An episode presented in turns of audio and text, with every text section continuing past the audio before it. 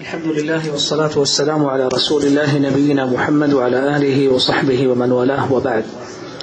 فنكمل ما وقف الحديث عنده قبل الصلاة ولازلنا في المسار المذهبي وقد تقدم الحديث بعدما انتهينا من المسار الزمني وحددنا القرون التي تتابعت على تصنيف علم أصول الفقه في مراحل متعددة بدءا من رسالة الشافعي ومرورا بمراحل النشأة والنمو والتطور والاستقرار والتكامل والنضج حتى استقررنا على مرحلة المدارس وفهمنا بصورة أرجو أن تكون واضحة فيما كان قبل الصلاة عند استقرار الناس على مدرستي الإحكام والمحصول لكل من الآمدي والرازي وكيف أنهما صار مدرستين اعتمدت عليها تصانيف الأصوليين متونا وشروحا واختصارات وحواشي. بدأنا فيما بعد في المسار المذهبي تحدثنا عن كتب الحنفية وطريقة تسلسلها والمعتمد عندها والذي يهمنا في هذا السياق كله هو ما الذي يعتني به الباحث عند إعداده للبحث وهو يبحث عن مادة أصولية تخدم بحثه الذي ينشده في الكتب المطلوبة. في المذهب المالكي وكما قلت عامة ما سيمر معكم في الجداول سبق تقريره وعرضه في المسار الزمني ونحن نتحدث عن الكتب. عندئذ ستجد مقدمة ابن القصار في أوائل الكتب التي صنفت عند المالكية باعتبار قدم وفاة مؤلفه مع إمامته الرجل كما قلت فيما مضى بالأمس إمام فقيه أحد الآئمة المعتمدين في المذهب وتصنيفه في الأصول يدل أيضا على مكانة معتبرة. الكتاب يمتاز كما قلت بسهولة العبارة واختصار الألفاظ ليس بالكتب المتوسعة كما هو الشأن في سمات مؤلفات القرن الرابع. ما قلته قبل الصلاة عن أصول الشاشي في مع كونه مستوعبا للأبواب لكنه سهل العبارة غير متوسع في الأقوال ولا في الأدلة. وهذه كانت سمة التأليف آنذاك. كذلك هو الشأن في مقدمة ابن القصار.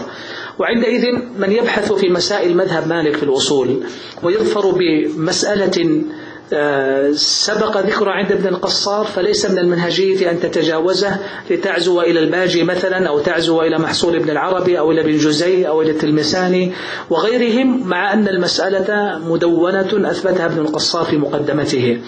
من الكتب ثانيا إحكام الفصول للباجي وقد تقدم. للباجي أيضا كتاب لطيف اسمه الإشارات. في علم الأصول مختصر عبارة عن تعريفات وتقسيمات ورؤوس أقلام ليست بذات السعة كما هو في الإحكام. الإحكام يسعك أن تقول أقدم كتاب متكامل عند الأصوليين. يسبقه ابن القصار لكن هذا يسبقه بالتكامل الموضوعي في التبويب واستيعاب الأقوال. ميزة الباجي أيضا يا إخوان أنه يذكر أراء المالكية إن اختلفت داخل المذهب تجاه القضية الأصولية وهذا من الأهمية بمكان أيضا. يحرر الخلاف وينقل ماذا قال عبد الوهاب بن نصر البغدادي مثلا ماذا قال المتقدمون من المالكية؟ ما مذهب فلان وفلان. يرجح إن بدا له ترجيح ويصحح إن ظهر له تصحيح. آه، المحصول لابن العربي وقد يشتبه عليك باسم محصول الرازي وحيث ذكر المحصول وأطلق عند الأصوليين فهو الرازي لكن محصول ابن العربي رسالة لطيفة في الأصول. هو نفسه القاضي أبو بكر بن العربي صاحب أحكام القرآن الفقيه المالكي الذي أبدى حقيقة إمامة في صنعة الفقه وفي الحديث وفي الأصول ها هنا كذلك. ابن العربي في أحكام القرآن تلمس فيه الصنعة الفقهية بوضوح تجد عنده تطبيق القواعد الأصولية أيضا بجلاء ووضوح. الصنعة الحديثية بدت عنده في عنايته بموطأ مالك لما شرحه في القبس. مزج بين صنعة حديثية أبانت عن علم ودراية مع تطبيق متقن لقواعد الأصول. ابن العربي في القبس أصولي أقوى منه في أحكام القرآن. وكلاهما أبدى في الحقيقة عن مكنة كبيرة في إظهار تطبيق القواعد على النصوص الشرعية. أحكام القرآن على الآيات والقبس على الأحاديث فهو طبق القواعد على آيات الأحكام والأحاديث أيضا. وصارت له تجربة فريدة وقل أن تجد من المصنفين من فقهاء الإسلام من صنف في آيات الأحكام وأحاديث الأحكام لكن ابن العربي صنع ذلك. كتاب المحصول لطيف وصغير الحجم مطبوع في جزء لطيف. لعل الرازي أخذ تسمية المحصول من محصول ابن العربي. فإنه يعني لا يعرف كتاب سابق على الرازي باسم المحصول في علم الأصول إلا ابن العربي ولعله سبق إليه. منتهى السول والأمل مختصر ابن الحاجب المشهور الذي اختصر فيه إحكام الآمدي والمسمى بالمختصر الكبير. قلت ومختصره المختصر الصغير الذي أصبح أشهر كما يقولون من من شعلة أو من علم على نار على علم وسار بين الركبان وعرف بين الناس بمختصر ابن الحاجب. ابن الحاجب آه، لما اختصر إحكام الآمدي حرص على تضمينه مذهب مالك. ومن هنا أصبحت يعني مزية مختصر ابن الحاجب عند المالكية ليس لأنه مختصر الإحكام للآمدي لكن لأن ابن الحاجب احتفظ فيه بمذهب مالك داخل المختصر. فلما أخذه الشراح وأعتنوا به فمتى كان الشارح شافعيا؟ وأصل الكتاب نص على مذهب مالك لا بد أن يتطرق إليه. ولما يكون المتن نفسه احتفظ بالنص على مذهب مالك في القضايا فالشارح لن يستطيع تجاوزه. فهب أن يكون الشارح شافعيا أو حنفيا أو مالكيا أو حنبليا. في النهاية الشرح لا بد أن يشتمل على مذهب مالك لأن المتن اشتمل عليه. فأصبح لابن الحاجب أيضا منة ويد طولى بيضاء في تأسيس المذهب المالكي والحفاظ عليه من خلال المختصر الذي انتشر بين الأصولين واعتنوا بشرحه. شروحه الحقيقة مما يضرب بها المثال في كثرتها وانتشارها بين مكتبات العالم الإسلامي شرقا وغربا. تنقيح الفصول للقرافي وسبق ذكرته في الأعمال التي صنعها الأصوليون على محصول الرازي. اختصر فيه محصول الرازي ثم شرحه. ثم جاء بعض المالكية فشرح التنقيح وغير المالكية أيضا كما قلت. من المالكية حلول شرح تنقيح الفصول وله فيه لطائف.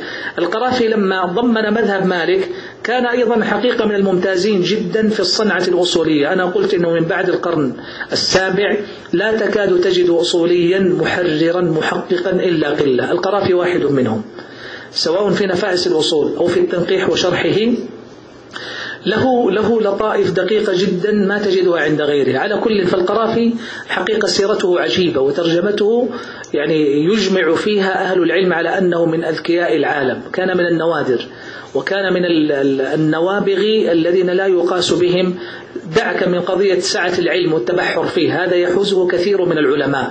لكن يذكرون في الرجل ذكاء غير عادي ويذكرون فيه أيضا تميزا في الفطنة والنباهة والإدراك بشيء ملفت للنظر. يقولون وفوق العلوم الشرعية أتقن العلوم العقلية وحازها وسبق فيها سبقا كبيرا. ثم انتقل إلى الصناعات وصارت له معرفة بالصناعات اليدوية والحرف وأتقنها. يذكرون في قصة لطيفة أنه صنع ساعة. لأحد الأمراء وأبدع في صنع ساعة. وجعل فيها فتحات تدخل منها الشمس وتضاء منها ثم هو وزعها على أيام السنة وعلى الفصول الأربعة. وبشغلة متقنة تقول هذا ليس له من العلم في شيء إلا صناعة الساعات.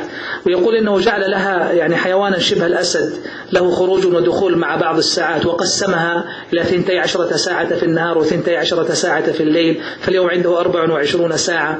ثم يذكر هو أنه أتقن صنعها وأبدع في صنعها وتقسيم الزمان عليها ودورانها وتحديد الأوقات بناء عليها يقول عجز عن شيء واحد فقط ما اهتدى إليه أنه ما جعل الحيوان يتكلم. يقول ما استطعت أن يقول إلا الكلام ما استطعت أن يعني حاول فيه ولم يفلح.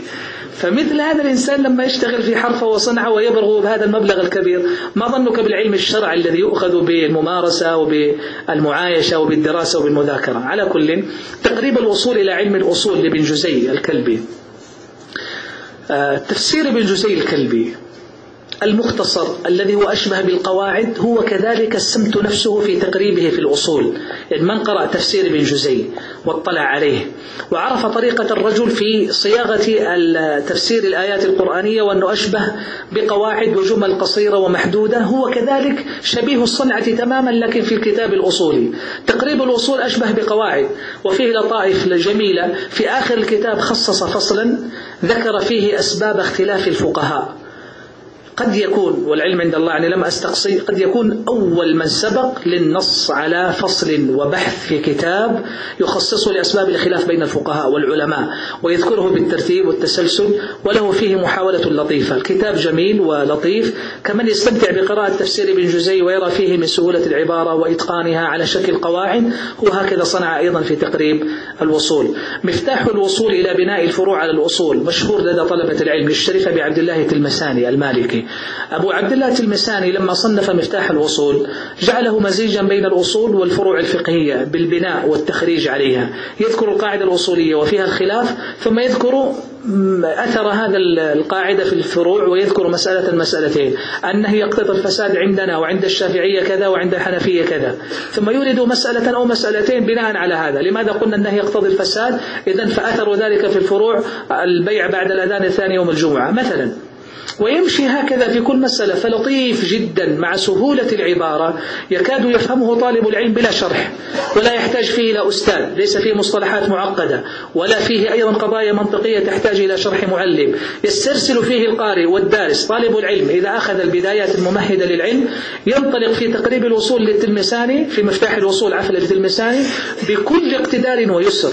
فميزة مفتاح الوصول للتلمساني فوق أنه كتاب مذهبي مالكي يحق لك أن تعزو إليه قواعد مالك في الأصول فهو فوق ذلك يصنف ضمن كتب تخريج الفروع على الأصول أو ما يسمونه بعلم القواعد الأصولية فهو معدود فيها فهو كتاب أصول من جهة وكتاب قواعد أصولية أو تخريج الفروع على الأصول من جهة أخرى. فالتفريع الفقهي الحقيقة مما تميز به التلمساني في المفتاح. تحفة المسؤول في شرح مختصر منتهى السول. هذا أحد شروح ابن الحاجب. قلنا مختصر ابن الحاجب ما اسمه؟ هذا الكبير والصغير مختصر منتهى السول هذا قال تحفة المسؤول شرح مختصر منتهى السول يعني هو شرح على مختصر ابن الحاجب المختصر الصغير أم الكبير؟ المختصر الصغير الذي قلنا كثرت شروحه وانتشرت بين أيدي طلاب العلم من الأصول. أبو زكريا يحيى مالك المذهب وابن الحاجب مالك المذهب. وإذا كان ابن الحاجب اختصار لإحكام الآمدي الشافعي والحنبلي على خلاف فإن مذهب مالك تعزز كثيرا بشرح الرهوني. تعزز أنا أقول لأن مختصر ابن الحاجب حافظ فيه على مذهب مالك هو اختصر إحكام الآمدي. ثم أودع في أثناء المسائل مذهب مالك في الأصول في القواعد في المسائل. فلما يأتي الشارح مالكيا فيعزز الشرح بذكر النقول وآراء أئمة المذهب وخلافهم إن وجد وتحريره. الحقيقة الرهوني من أجمل شروح ابن الحاجب. يعني شرح العضد من أشهرها. لكنه شرح يحتاج إلى شرح شرح العضد. شرح يحتاج إلى شرح يحتاج إلى أستاذ يشرح لك العبارة ويفكها لك ومصطلحات منطقية وقضايا تستلزم قضايا أخرى. تحفة المسؤول الرهوني في عدة مزايا. قلت عزز المذهب المالكي أيده وانتصر له وشرح كثيرا من مسائله فيصح أن يكون مرجعا لمن يبحث أصوليا في قضايا مذهب مالك يحق له أن يعزو إلى تحفة المسؤول الرهوني. الممتاز فيه صنعة حديثية الرهوني محدث. وهذا قلت لك من ألذ الأشياء أن تجد أصوليا له دراية بالحديث وهذا نادر وقليل جدا بين الأصوليين أن يكون لهم عناية بعلم الحديث. وسيكون لهذا أثر إما في الاستشهاد تصحيح وتضعيف بعض الآثار التي يتناولها الأصوليين مسلمة. يحتجون بقول الصحابي ودليلهم أصحابي كالنجوم بأيهم اهتديتم بأيهم اقتديتم واهتديتم الحديث ضعيف.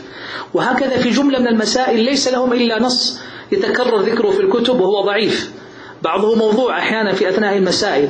فلما يكون الشارح ليس له عناية بالحديث ولا دراية تمر به لما عند الأصوليين من دعني أقول من تساهل وعدم عناية بعلم الحديث جاء المحدثون فخدموا كتب الأصول. فتم أصبحت عندنا كتب تخريج أحاديث لمتون الأصول. يعني مختصر ابن الحاجب شرح وخدم بتخريج أحاديثه. مختصر البيضاوي خدم بتخريج أحاديثه. وهكذا كل كتاب أصبحت عناية الأصوليين به جاء المحدثون فخدموه. بتخريج أحاديثه وذكر ما يصح منها وما لا يصح بعزوه إلى مظانه من كتب الحديث. مراكز الصعود لمبتغي لمبتغي الرقي والصعود. المنظومة المشهورة التي يحفظها كثير من طلبة العلم لعبد الله بن إبراهيم العلوي الشنقيطي المعاصر المتوفى 1233 يمتاز بكثرة شروحه غالب شروحه من العلماء الموريتانيين الذين تداولوا المتن لاحظ أنه متأخر ومعاصر لكنه اعتنى به طلبة العلم. ولما يأتي إمام علامة كالشيخ محمد الأمين الشنقيطي رحمه الله وهو يحفظه ويدرسه ثم ورثه لطلابه عبر الكتب وعبر الشروح وعبر أضواء البيان من يقرأ في أضواء البيان يجد استشهادا كثيرا بالأبيات. ولما يأتي أيضا رحمه الله في المذكرة التي وضعها على روضة الناظر ويستشهد كثيرا بأبيات المراقي أصبحت محل انتشار. فمراقي السعود نظم نظم فيه مسائل الأصول لطيف العبارة سهل التقسيمات والموجودة فيه التعريفات الأنواع. أصبح من مراجع ليس المتن لكن الشروح التي كثرت عليه أصبحت مرجعا لأصول مذهب مالك.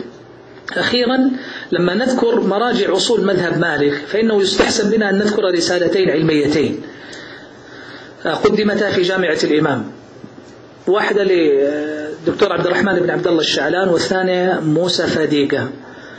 صنف الاثنان أو تقاسم الاثنان أصول مذهب مالك في رسالتين علميتين. الشعلان سمى رسالته أصول فقه الإمام مالك بين قوسين الأدلة النقلية. وجاء موسى فادقة فقال الأدلة العقلية؟ فاقتسم أدلة المذهب. واحد أخذ الأدلة النقلية كتاب وسنة وإجماع وقول صحابي إن وجد. واحد أخذ الأدلة العقلية وفيها القياس والاستصحاب وعدد من الأدلة تدخل تحت هذا الدليل.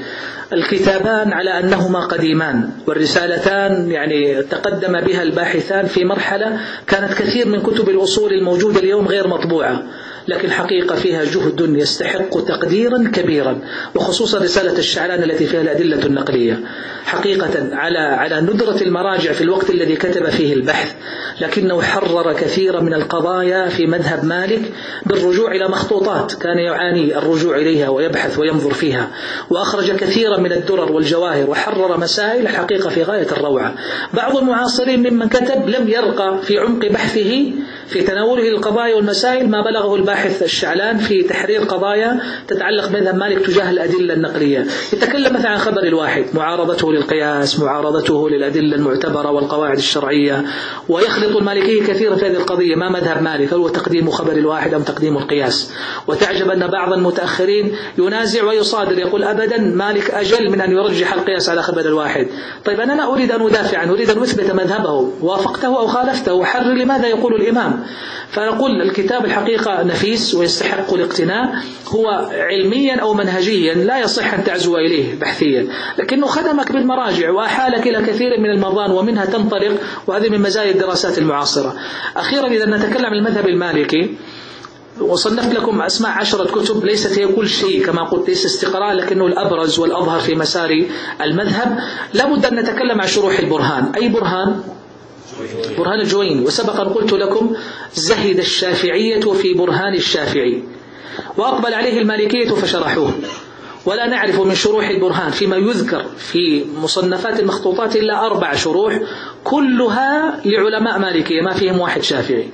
الذي طبع منها اثنان طبع إيضاح المحصول آه، شرح برهان الوصول للمازري وشرح التحقيق والبيان في شرح البرهان للأبياري تحقيق البيان كامل طبع في أربعة أجزاء. إيضاح المحصول طبع في جزء للأسف ليس مكتملا لكنه هو الموجود. فنقول هذا أيضا من مضان شروح المالكية أنهم شرحوا البرهان.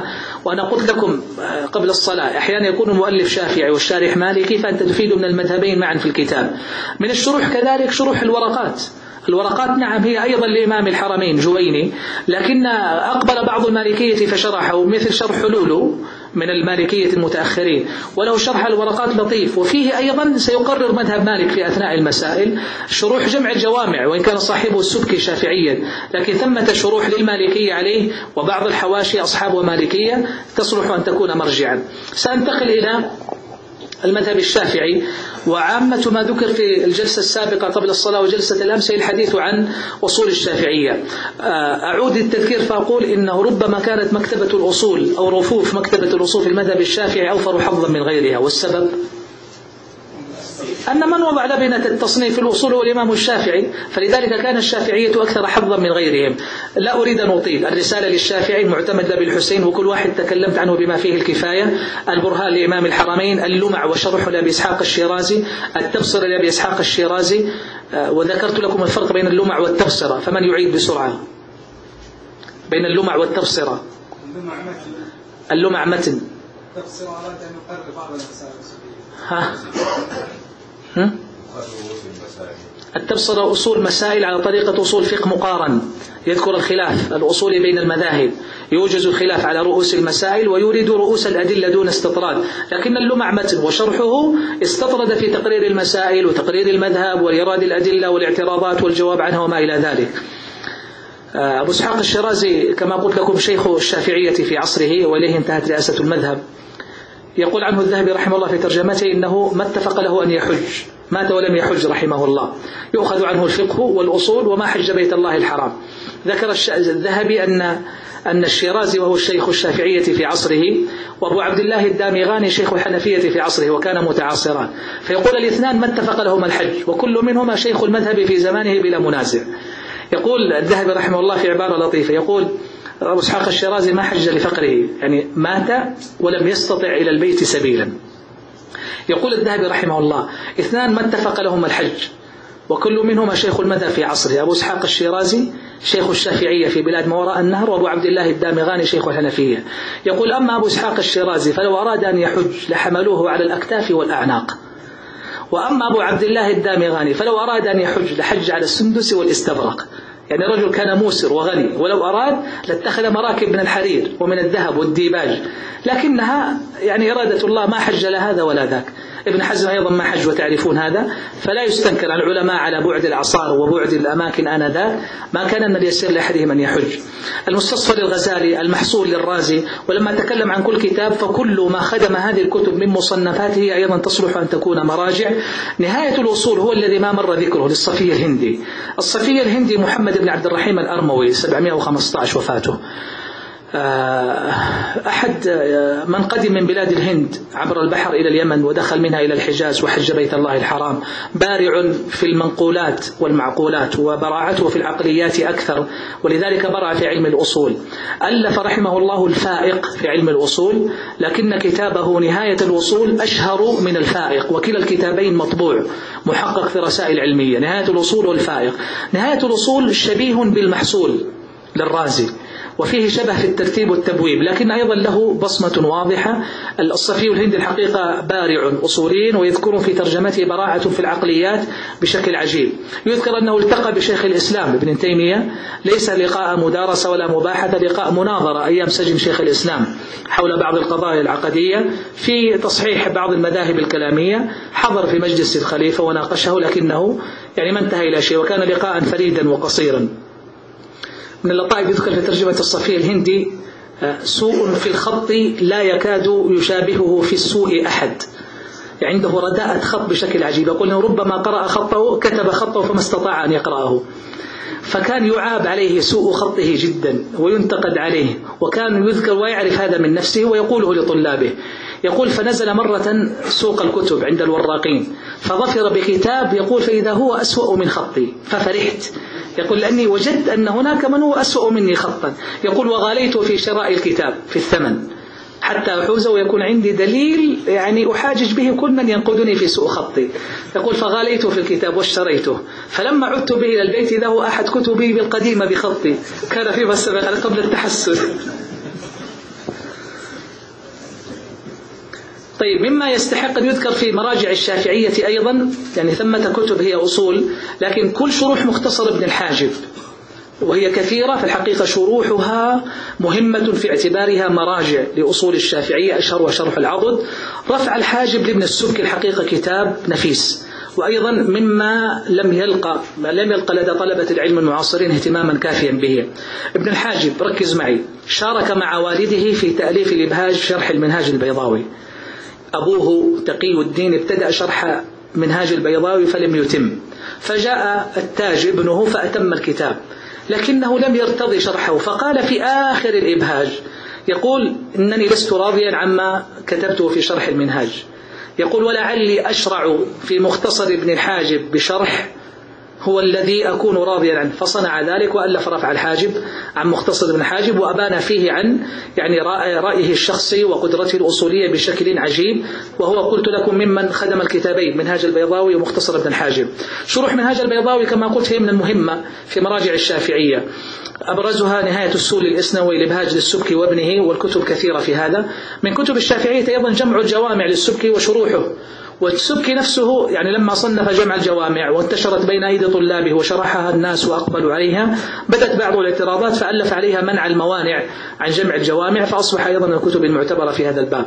الحنبلي وهو المذهب الأخير في هذا السياق ونحن نتحدث عن المسار المذهبي. أمامكم عشرة عناوين مضى أكثرها العدة للقاضي أبي يعلى وذكرت مكانته وخصائصه ومزاياه في بداية الجلسة. تكلمنا عن التمهيد لأبي الخطاب والواضح للوفاء أبي الوفاء بن عقيل. كل من أبي الخطاب وأبي الوفاء تلميذ للقاضي أبي يعلى. فصنف أبو الخطاب كتابه التمهيد وصنف أبو الوفاء كتابه الواضح. هذه كلها مطبوعة. قلت لكم التمهيد أبي الخطاب متأثر بمن؟ هذا في جلسة أمس أو قبل أمس. لا متأثر بالمعتمد لأبي الحسين البصري حتى إنه يكاد يكون هو الكتاب. ولذلك تستغرب من تقرير قضايا اعتزالية وبعضها إن خف قليلا مال إلى تقريرها يعني مذهب أشعري بعيدا عن تقرير مذهب الاعتزال والرجل حنبلي. والسبب أنه فعلا اتكأ على معتمد بالحسين وكاد أن ينسخه. بل قلت لكم أن محققي كتاب التمهيد أثناء التحقيق لما كانت رسالة علمية كانوا يستعينون بنسخة المعتمد في تصحيح بعض العبارات التي لا تقرأ في مخطوطة التمهيد باعتبار العبارات هي العبارات والألفاظ هي الألفاظ. الواضح لأبي الوفاء بن عقيل هو كذلك كتاب لكنه الحقيقة فريد في ترتيبه ليس على الترتيب العدة ولا التمهيد بل متعب في البحث عن مسألة ليست الترتيب المعتمد؟ فعليك الرجوع إلى الفهارس أيضا مطبوع. المسودة لآل تيمية. التي تعاقب عليها الجد وشيخ الإسلام. وأبوه. فالثلاثة تعاقبوا مجد الدين أبو البركات عبد السلام والأب عبد الحليم وشيخ الإسلام أحمد. فالثلاثة تعاقبوا على التأليف. هو ليس كتاب الحقيقة هو أشبه بكراسة وكشكول. كان المجد بن تيمية وهو الجد ينتقي مسائل تعجبه من الأصول. بعضها نقولات. وجد عبارة جميلة عند أبو الوفاء بن عقيل فاختارها. وجد عبارة لطيفة في البرهان فنقلها. وجد أيضا تحرير المسألة مثلا عند الغزالي فأخذها. ويجمعها في هذا الكراس. ربما علق عليه تعليقا أو أضاف بعض العبارات. مات المجد. جاء ابنه عبد الحليم. ففعل صنيع أبيه وأضاف على الكراس هذا وعلى الكشكول جملة من المسائل أيضا. مات الأب جاء جد جاء الحفيد شيخ الإسلام ابن تيمية أحمد ففعل فعل الأب وفعل الجد. ثم خرج مصنف عبارة عن ها؟ إذا ليس تصنيفا ليس تبويبا هو عبارة عن جمع وشيء من التعليقات وشيء من الترجيحات. لكنه يعني المزية فيه أن في أثنائه وطياته شيء من الترجيحات. وشيء من المناقشة وشيء من الاستدراك وشيء من الاعتراض. لكن السؤال ما تجده من اعتراض أو ترجيح أو مناقشة أو اختيار في الداخل هو لمن؟ لشيخ الإسلام أم لأبيه أم لجده؟ هو متوزع بين الثلاثة. طيب منهجيا إذا أردت أن أعزو مسألة وجدتها في كتاب المسودة فهل هو من كلام شيخ الإسلام أم من أبيه أم من جده؟ ها؟ ينسب للجد أنت ومالك لأبيك. طيب هذا مشكل كما قلت لكم. وبقيت هي مسودة وعلى اسمها مسودة ولاحظ أنه ما سمى هو باسم ولا صنعوا لها تسمية. فلما جاء تلامذة شيخ الإسلام بعد وفاته وأخرجوا تراثه أخرجوا فيما أخرجوا هذا المسود الكشكول هذا المشكل الذي فيه من كل خط ثلاث خطوط ولهم فيه أيضا ثلاث صنعات. فحاولوا إخراجها. فلما أرادوا إخراجها ونسخها حتى تنتشر بين الطلبة حرصوا على أن يميزوا ما كان من كتابة الجد عما هو من كتابة الأب عما هو من كتابة الابن شيخ الإسلام. فصنعوا في رأس كل مسألة لما يقول فصل يسبقونها بقوسين معكوفين فربما كتبوا فيه شيخنا أو كتبوا والد شيخنا أو أهملوا فما كتب قبل الفصل شيخنا فالمقصود به شيخ الإسلام أحمد. وما كتبوا فيه والد شيخنا فالمقصود أبوه عبد الحليم. وما ترك مهملا فهو للجد. وعلى هذا طبع الكتاب. فافتح المسودة فما سبق الفصل فيه بشيخنا فهو لأحمد وما سبق بوالد شيخنا فهو لعبد الحليم وما ترك مهملا فهو للجد. لكن المشكلة ما حلت لأن اختلاف المخطوطات تتفاوت في مثل هذا التقسيم. وعانى محقق المخطوط لما أخرجه يقول المخطوطات تفاوتت والمسود يقول من أسوأ الكتب في في نسخها المخطوطة في السوء والرداء وعدم الدقة والخلط. ويعني قد تعذر بأن المسألة أيضا ليست كتابا فما اعتنى به. وبالتالي فليست مرتبة أيضا. يعني ربما تجد في أول كتاب مسألة تتعلق بخبر الآحاد واحدة في الإجماع وفي الأخير واحدة مسألة في القياس ودليل الكتاب في آخر فصل. فالمسألة مبعثرة لأنه كشكول. إنما ميزتها لمن ظفر بشيء من المسائل فيها تحرير نفيس هي أحد مراجع الحنابلة روضة الناظر لابن قدامة. التي يقال إنها نسخة طبق الأصل المستصفى للغزالي وليس كذلك تماما. لكن حذا حذو الغزالي واختار ترتيبه ومنهجيته وأثبت مذهب أحمد وهذا مما امتاز به. رجح بعض المسائل خلاف ما يرجحه الغزالي في المستصفى وعلى هذا قامت دراسات علمية رسائل. ما خالف فيه ابن قدامة الغزالية في الروضة. بين الروضة والمستصفى يعني مناقشة. وجردوا الكتاب وأخرجوا جملة من المسائل. يقرر فيها ابن قدامة خلاف ما يقرره الغزالي في المستصفى. جاء آه، نجم الدين الطوفي فصنع مختصرا للروضة. حقيقة يا إخوة ابن قدامة معروف عند الناس بأي كتاب؟ بالمغني. والمغني هو رأس سلسلة في التصنيف الفقهي الحنبلي الذي ابتدأ بالعمدة ثم انتهى بالمغني. المغني أعجوبة. حتى قال العلماء إنه لا يحق لأحد أن يتصدر الفتوى إلا وقد قرأ المغني وأضافوا إليه المحلى وأضافوا إليه مثلا المصنف أو السنن البيهقي أريد أن أقول إن صنعة ابن قدامة في المغني فقها وأصولا غاية في البراعة لكن الحقيقة لا يمثله أبدا روضة الناظر. لا يمثل ابن قدامة لا أصوليته ولا فقهه. يعني من يقرأ لابن قدامة في المغني فيرى عجيب استشهاده بالقواعد الأصولية والقواعد الفقهية ودقته في النقاش والتقرير والأخذ والعطاء ليس هو الضعف المتناهي الذي تجده في بعض عبارات الروضة. لكن قلت لك ربما كان العذر أن من من جعل نفسه أسيرا لكتاب آخر سينعكس عليه كثير من السلبيات التي لا تتيح له أن يظهر ما عنده. عموما هي روضة الناظر هكذا مقررة على طلاب الحنابلة في المدارس والمعاهد والجامعات يدرسونها. الذي ساعدنا في تحسين مستوى الروضة هو نجم الدين الطوفي. اختصر روضة الناظر في متن صغير سماه البلبل. ماذا صنع؟ اختصر مسائل الروضة على شكل مختصر ثم شرح مختصره وسماه شرح مختصر الروضة. للأمانة من أجود كتب الحنابلة في الأصول بل أجودها على الإطلاق شرح مختصر الروضة للطوفي. وهو الذي أيضا لم يلتفت إليه طلاب العلم كثيرا ولم يعتنوا به. الحقيقة عالج كل مشاكل الروضة أتقن العبارة صاغ التعريفات من جديد أحسن التقسيمات استدرك جوانب الخلل وفعلا أقام الكتاب. كأنه يقول ابن قدامة كأنك تريد أن تقول هكذا. وصنع كتاب مختصر البلبل الحقيقة في غاية الإتقان. فالرجل محكم العبارة دقيق التعريفات متقن التقسيمات. وإذا استدل وإذا اعترض وإذا ناقش الحقيقة أنا قلت لكم الطوف عند الحنابلة يقابل القرافي عند المالكية. في الإتقان وفي البراعة وفي الإمامة وفي كثير الحقيقة من الجوانب فالرجل إمام مشهود وكتابه خير شاهد. أصول ابن مفلح تلميذ شيخ الإسلام ابن تيمية ألف كتابا في الأصول مطبوع في أربعة أجزاء. أيضا يصلح أن يكون مرجعا للحنابلة. شرح غاية السور في علم الأصول يوسف بن عبد الهادي ابن المبرد المتوفى في أواخر القرن العاشر. نزهة الخاطر العاطر لعبد القادر بن بدران الدمشقي المعاصر. الذي طبع مع الروضة في بعض الطبعات روضة الناظر. جعل شرحا على روضة الناظر. فصار الطلاب في الجامعات كما يدرسون روضة الناظر في الشريعة يستعينون بنزهة الخاطر المطبوعة معها لعبد القادر بن بدران. جميلة ولطيفة وتحرر كثير من المشاكل العبارات غير المفهومة في الروضة أو الخلل الموجود. فغدا بن بدران مشهورا بكتابه هذا. لكنه لما طبع شرح مختصر الروضة للطوفي اتضح أنه ينقل عنه ويعزو منه ويأخذ منه. فعامة ما في نزهة الخاطر العاطر لابن بدران هو من أين؟ هو من شرح مختصر الروضة للطوفي. عامة ما في نزهة الخاطر لابن بدران. وشرحه على المسائل واستدراكه وتعليقه وتصويبه هو مأخوذ من من شرح مختصر الروضة للطوفي ذلك ليس من المنهجية أن تأتي إلى مسألة وتعزو إلى نزهة الخاطر. من حقيقة باستقراء عنده إضافات يسيرة يعلق على بعض مسائل معاصرة يربطها ببعض التطبيقات. لكن التقرير الأصولي المتقن هو من صنعة الطوفي رحمه الله.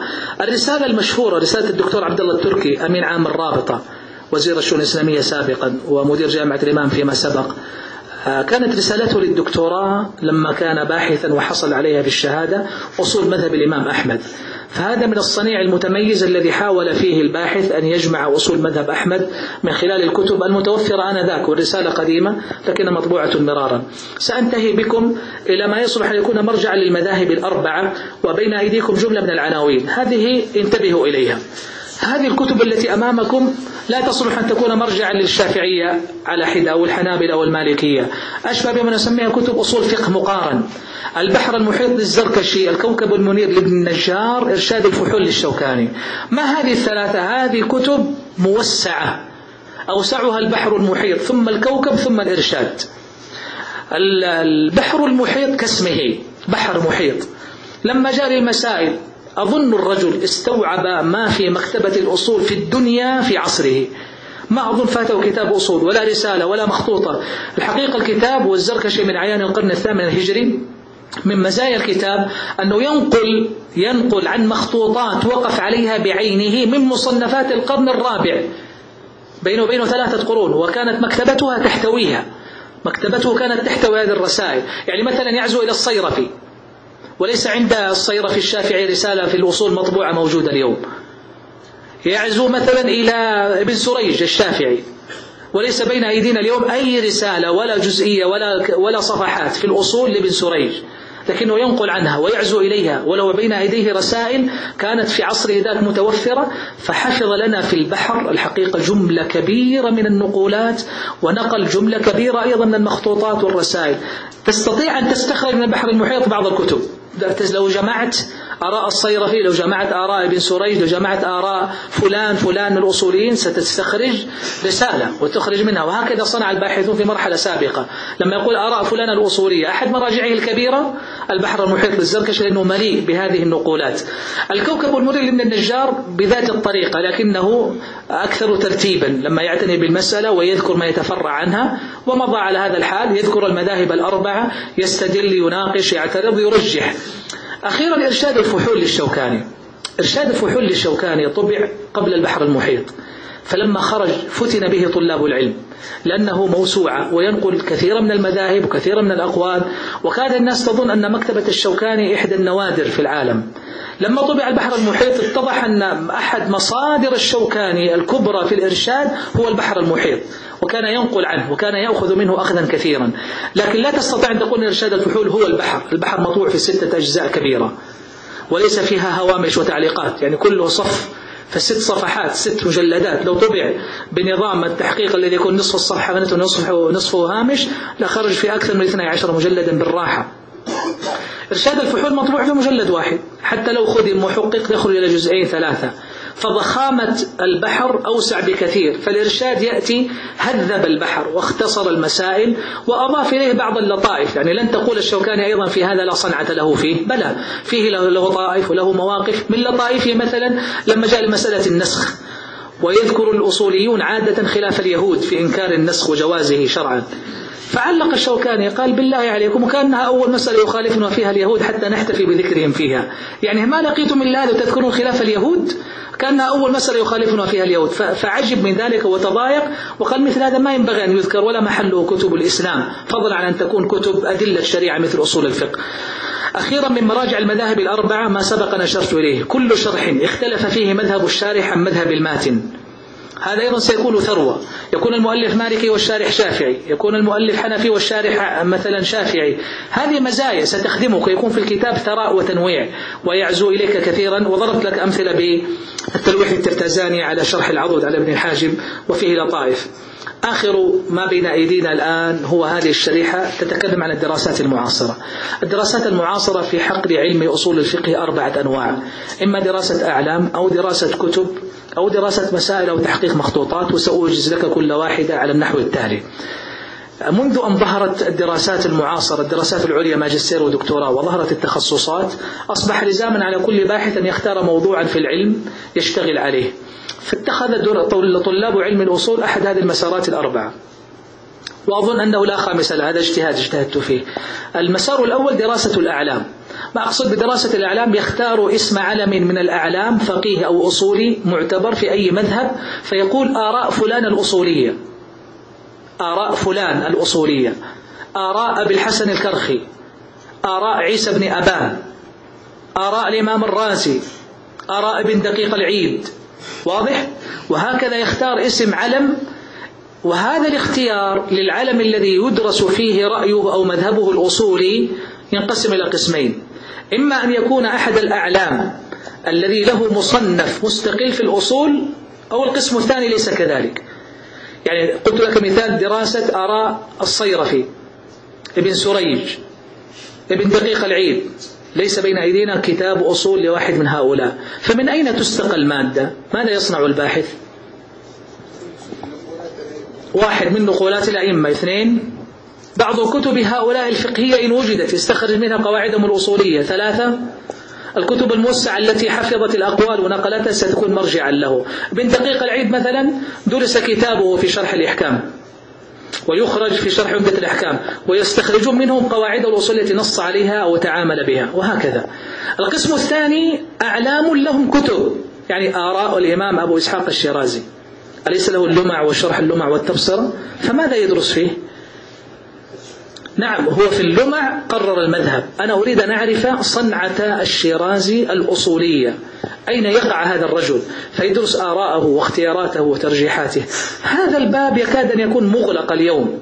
بسبب دعني أقول ربما استيفاء الدراسات في هذا الباب. يعني ما تركوا علما مشهورا أو مغمورا إلا ودرس وبالتالي أصبحت أقسام الدراسات العليا لا تستقبل موضوعات من مثل هذا. لكن هذه الدراسات متفاوتة. بعض هذه الدراسات الحقيقة متين وعميق ومليء وفي داخله درر.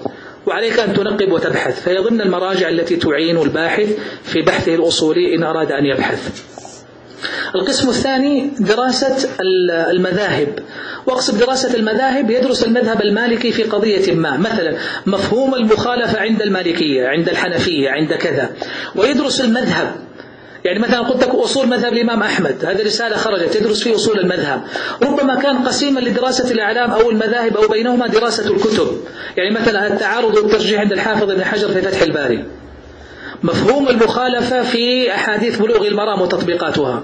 هو ماذا يصنع؟ يحاول أن يدرس تطبيقا لهذه المسائل من خلال معرفة المذاهب فهو بينهما النوع الثالث دراسة مسائل جزئية وهذا ربما كان الأكثر دائرة وسعة في الرسالات الدراسات المعاصرة. يأتي إلى مسألة جزئية. مسألة أي مسألة؟ القياس خبر الواحد آه، شرع من قبلنا الأدلة المختلف فيها دلالة المنطوق العام والخاص التعارض والترجيح يأتي لباب من الأبواب ويصنع فيه رسالة علمية وفق خطة يوافق عليها القسم ويصنع فيه مشروعا علميا دراسة مسائل. هذه بحر لا ساحل له وإذا بحثت في قوائم المكتوبات المكتبات أو الرسائل الجامعية أو في الإنترنت وأنت تبحث عن عناوين ستجد عشرات متفاوتة. ويبقى أن بعضها كما قلت نفيس محرر اجتهد فيه الباحث فأخرج دررا وحرر مسائل يستفاد منها وينتفع بها. وبعضها لا تتجاوز يعني تكرار ونسخ ولصق وإعادة ترتيب وتبويب وضع عليه غلاف وكتب الباحث فلان ونوقش وحصل على درجة. لما أقول هذا الكلام ليس انتقاصا لجهود بذلت لكنه تنبيه. لكل باحث يسلك هذا الطريق اليوم. من أراد أن يختط طريق البحث العلمي ويضع له فيه بصمة يا أخي الكريم ضع لك لبنة تشرف أن تكون بصمة لك في الصرح العلمي في التخصص الذي أنت فيه. أصول فقه عقيدة تفسير حديث. يا أخي لا تقدم شيء إلا وتشعر أن فيه إضافة. دع البناء يرتفع. أما إن كان مكررا فصدقنا أن ما تضع اللبنة فوق تضع بجوار لبنة. ويعرض الجدار ويسمك فتبتعد عن العلم. نريد البناء إلى فوق وليس إلى الجانب. فكلما تكرر البحث أصبح نسخة من بحث آخر كانت لبنة مجاورة للبنة التي قبلها وليست فوقها. نحن نريد البناء العلمي. أخيرا تحقيق المخطوطات. هذا أيضا مما خدم الساحة من أكثر من جهة. أهمها إخراج الكتاب المخطوط وانتفاع الناس به. وثانيها ما يتعلق بتحقيق المخطوط من دراسة يقوم بها الباحث في الهوامش في الأثناء وهو يتكلم على يعني استدراك أو نقاش أو تعليق أو ترجمة أو ما يتعلق بسائر أوجه تحقيق المخطوطات هو الحقيقة أحد أوجه الاستفادة من الدراسات المعاصرة. وختاما يا أحبة فما كان في استعراض هذا المسار المذهبي هو محاولة لأن نجمع ما مضى بالأمس في المسار الزمني. درسناها عبر القرون ثم عدنا دراستها عبر المذاهب من أجل أن تكتمل الصورة. في أول يوم قلت لكم لا تتصور أنك بنهاية الدورة تغدو باحثا متميزا يمكن أن تفعل ما لم يفعله الأوائل. هذه ليست إلا إضاءات وإرشادات. ويبقى المحك الحقيقي هو الممارسة العملية. الموجهة من باحث سبقك في هذا الطريق وأستاذ يدلك ويعلمك ثم تجرب وتكتب تصيب وتخطئ تقوم وتعثر ويقومك ويسددك ويصحح لك حتى ينضج لك صنعة متميزة في البحث. لا زلت أقول صناعة البحث مهارة تكتسب. قد يكون صاحبك مليئا علما لكنه قليل البضاعة في البحث. فلا, فلا, فلا ربط بين الاثنين. وأنت تحتاج إلى أن تكون ملما بالمسائل محققا لها عارفا بأوجه البحث فيها. فصناعة البحث تكتسب بدراسة نظرية مثل هذه تكتسب بممارسة عملية وبتصويب من أساتذة تكتسب بكثرة قراءة في بحوث أصيلة. كلما أكثرت من القراءة في بحوث أصيلة معاصرة أو قديمة لكنه بحث أصيل حقيقة يعطيك نفسا وتكتسب جرعة. وتتعلم كيف تكتب جملة تجعل القارئ فيما بعد كلما قرأ قال رحمك الله. وكلما استفاد دعا لك. ودعه نسي أن يدعو لك. أو جهل يبقى علمك الذي أفدته به هو باب من الخير. لا ينقطع وأجر لا يندثر إن شاء الله. أخيرا مجالسة ومدارسة الباحثين الممارسين المتميزين. لو كانت هناك مجالس دورية أو تلتقي بهم أو تستشيرهم في مسألة تمر بك أثناء البحث كل هذا من الثراء. وبعد فهذه الدورة المتواضعة في أيامها الثلاثة حاولت أن تقدم إضاءة في أحد العلوم الشرعية الأصيلة كعلم الأصول تعطي صاحبها منهجية بحثية في المسار العلمي لا غير فيما يتعلق بالكتب وتأليفها ومراحلها وأصحابها ومزاياها. بغية أن يكون أحدنا إذا وقف أمام المكتبة في رفوف علم الأصول عرف كل كتاب ومكانته ما الذي يصلح لأن يأخذه ويستفيد منه وكيف يرتبها عندما يوثق أو يعزو. هذا الجهد جهد مقل الفضل فيه بعد توفيق الله عز وجل لإخوتنا في مركز البحث العلمي وإحياء التراث ومكتبة الحرم المكي الشريف. على رأسهم أخونا الشيخ الدكتور فهد بن جبير السفياني الأمين العام للمركز ومدير المكتبة وفقه الله. فإنه كان حريصا على أن يكون ضمن فعاليات المركز البحث هو تنشيط هذا الحراك العلمي والتقاء طلاب العلم وألا تكون المكتبة فقط رفوفا تدخلها وتقرأ وتنصرف بل تكون علما أيضا يتدفق ومنهجية بحثية تكتسب ومدارسة علمية شأنها شأن المكتبات التي ينبغي أن تقوم برسالتها ومراكز البحث العلمي. فالدعاء له بالتوفيق والسداد ولمقام الرئاسة عموما على حرص على هذا التوجه الكريم المبارك وأشرف ما حظينا به في مثل هذه الدورة هو التقاؤنا في جوف بيت الله الحرام ومدارستنا له في هذه الأيام الثلاثة التي مضت. شيئا من طرف العلم الشرعي نحتسب فيه الأجر عند الله. أسأل الله لي لكم التوفيق والسداد والله أعلم. وصلى الله وسلم على نبينا محمد وآله وصحبه أجمعين. السلام عليكم ورحمة الله وبركاته. أهنئكم أولا على هذه الدورة المتميزة المتقدمة التي ألقاها شيخنا المبارك الدكتور حسن جزاه الله عنا خير الجزاء. وأبلغكم تحيات معالي الشيخ عبد الرحمن السديس حفظه الله. ولو كان موجودا لزاركم لكنه في مدينة الرسول عليه الصلاة والسلام.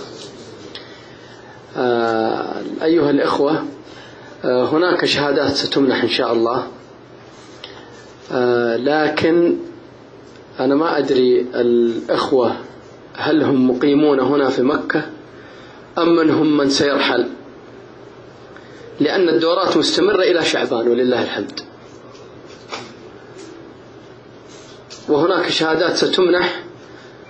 قد يكون هناك احتفال يسلمها معالي الشيخ أو تأتون إلى مركز البحث وتستلموها. فما أدري كيف ظروف الإخوة. تنسقون مع المشرف الأستاذ محمد ويكون بيننا تواصل إن شاء الله. هناك دورة إن شاء الله في الشهر القادم. سينزل لها إعلان. وأظن وزع عليكم استبانة. سنرى آراءكم الأصولية فيها طبعا. وفقكم الله. صلى الله على نبينا محمد وعلى آله وصحبه أجمعين. الله